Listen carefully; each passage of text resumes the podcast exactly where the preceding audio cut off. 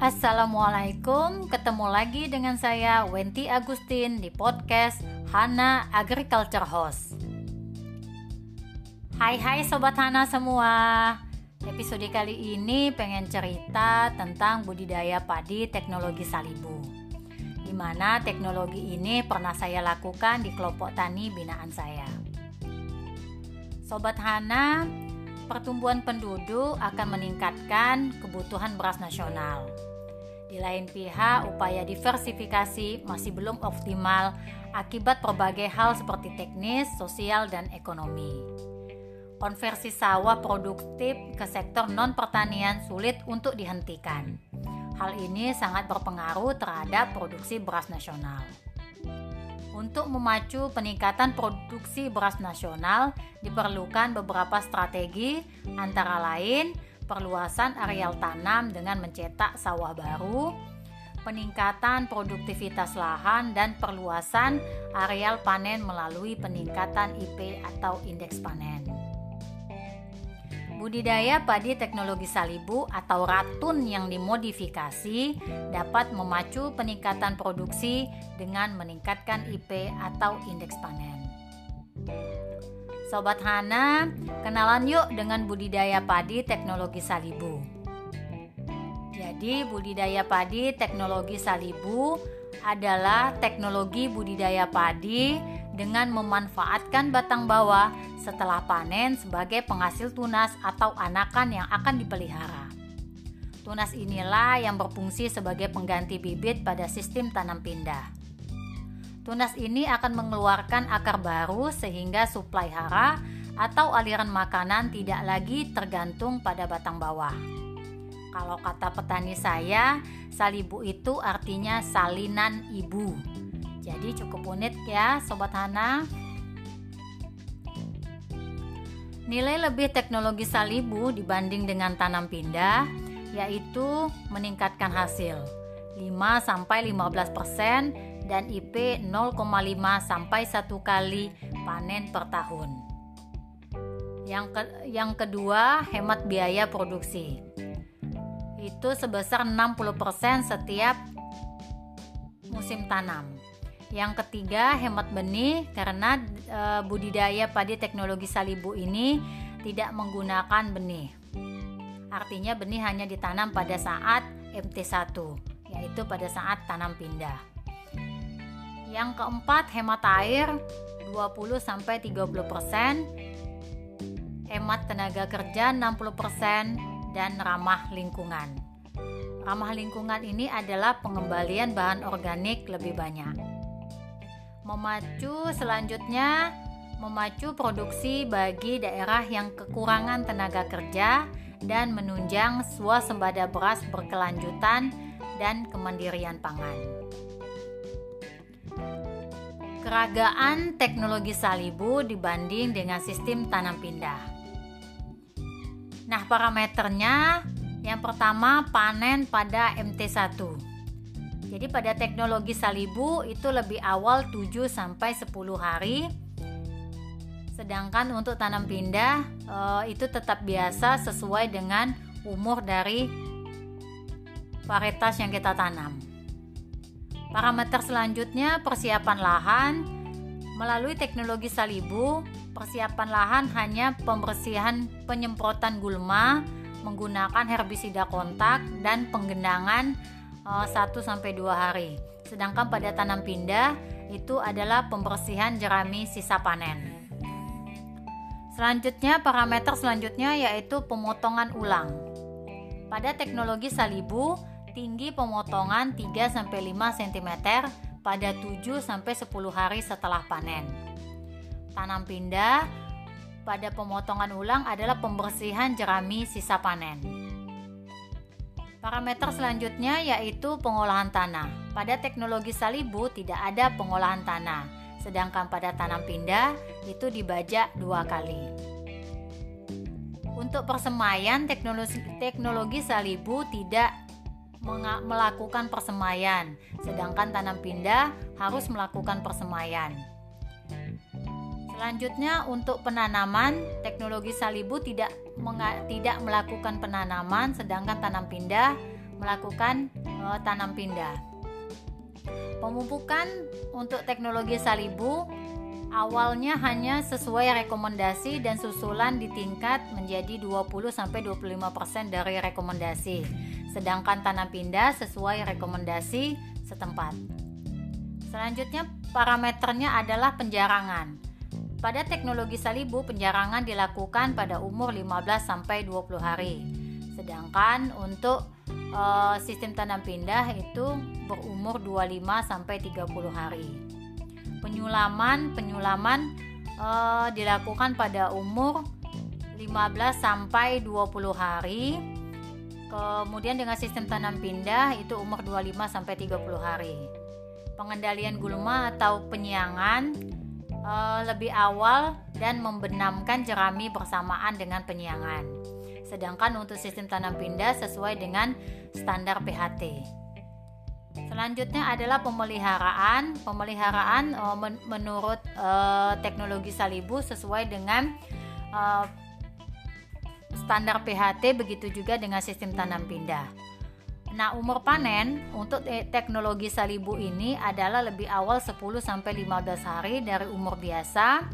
Nah, sedangkan untuk tanam pindah disesuaikan dengan uh, umur panen. Hasil hasil untuk teknologi salibu adalah 110 sampai 115% dari hasil tanam pindah.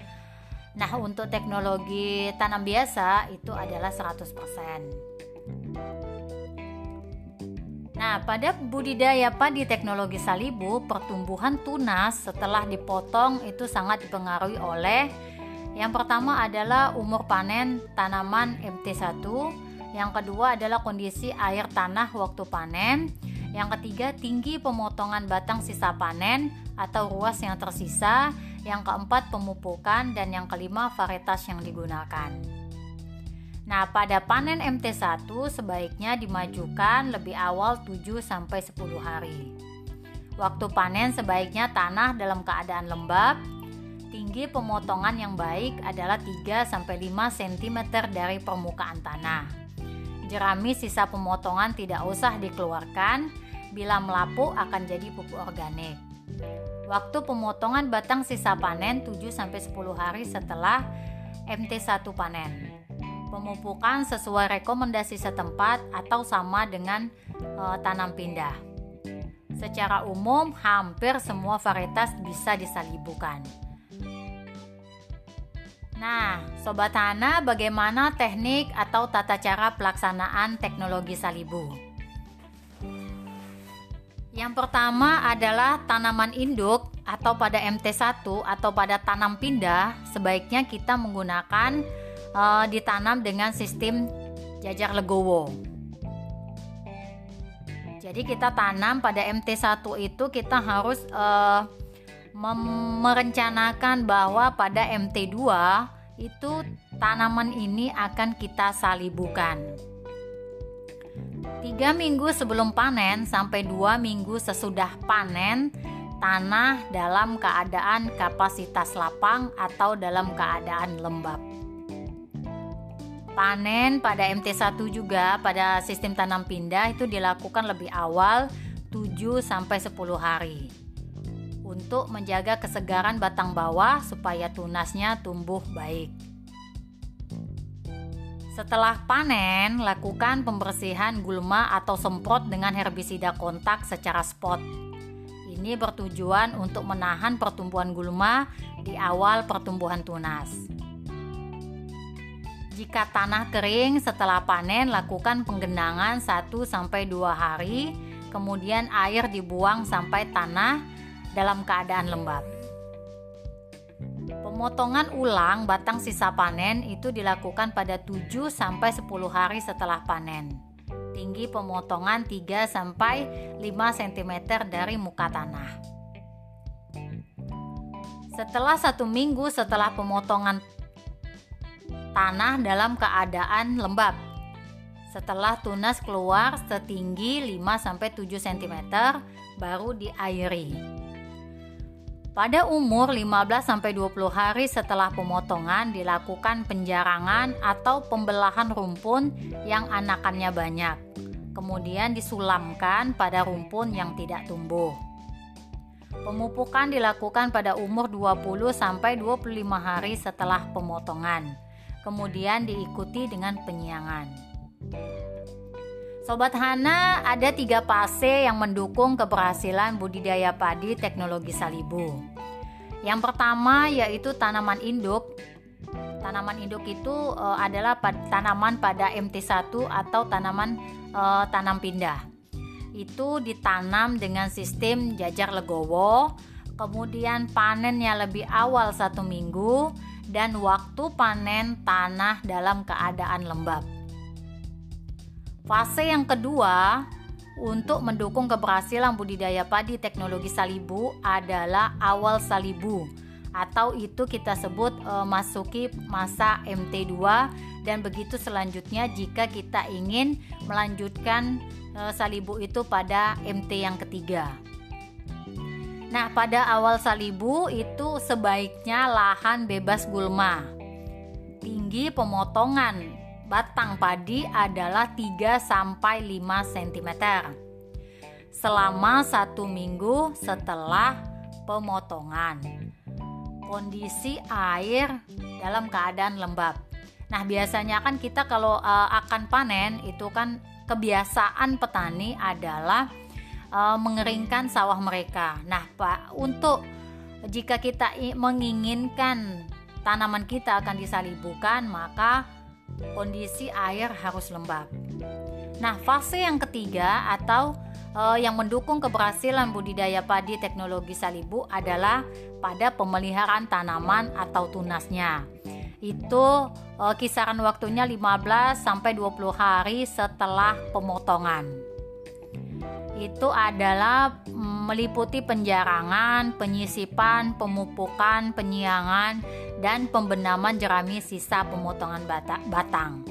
Jadi pada dasarnya budidaya padi teknologi salibu ini adalah kedisiplinan kita e, menentukan jadwal uh, kapan harus uh, tanaman itu dipotong, uh, pemeliharaan, uh, pemupukan itu harus uh, kita disiplin untuk menentukan uh, perencanaan bahwa tanaman padi kita akan disalibukan.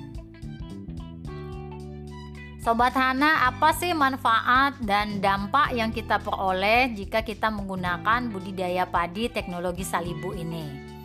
Yang pertama adalah meningkatkan produktivitas padi melalui peningkatan IP atau indeks tanaman dan hasil setiap panen.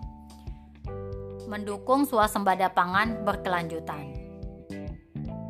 Yang kedua, menghemat biaya produksi terutama untuk pengolah tanah, hmm, tanam dan benih karena itu tidak kita lakukan pada tanaman padi yang akan kita salibukan.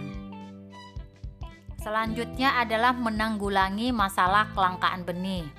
Jika kita e, pada daerah kita sulit untuk mendapatkan benih, maka budidaya e, padi teknologi salibu ini bisa kita terapkan.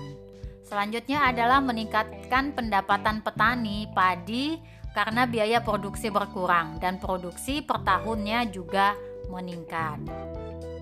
Jadi eh, petani tidak perlu lagi menanam, tidak perlu lagi membeli eh, benih dan kemudian tidak eh, mengeluarkan biaya produksi untuk mengolah tanah.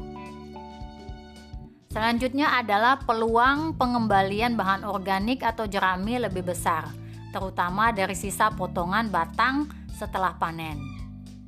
Nah, bagi daerah yang kekurangan tenaga kerja, ini sangat uh, memacu proses produksi jika kita menggunakan budidaya padi teknologi salibu ini. Sobat Hana, uh, hasil demplot yang dilakukan di kelompok tani Harapan Jaya 2 Dusun Teluk Pandak, Kecamatan Tanah Sepenggal, Kabupaten Bungo, varietas uh, telah berhasil mensalibukan padi varietas batang piaman itu sebanyak tiga kali dengan menggunakan benih hanya satu, satu kali pada awal musim tanam. Artinya musim tanam kedua dan ketiga kelompok tani mensalibukan tanamannya. Salibu pertama menghasilkan ubinan sebanyak 6,4 ton per hektar dari 6 ton per hektar hasil panen pada MT1 atau tanam pindah. Artinya meningkat ya pada hasil panen pada MT1 hanya 6 ton dan tan, e, ketika tanaman itu disalibukan untuk salibu yang pertama itu sebanyak 6,4 ton per hektar. Selanjutnya dari uh, salibu yang pertama itu disalibukan kembali untuk salibu yang kedua itu hasil ubinannya meningkat menjadi 6,5 ton per hektar.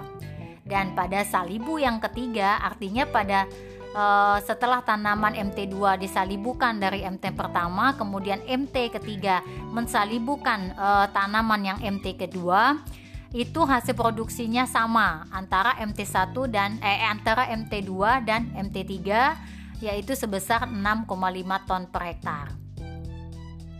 Sobat Hana, semoga informasi ini bermanfaat. Selamat mencoba. Wassalamualaikum warahmatullahi wabarakatuh.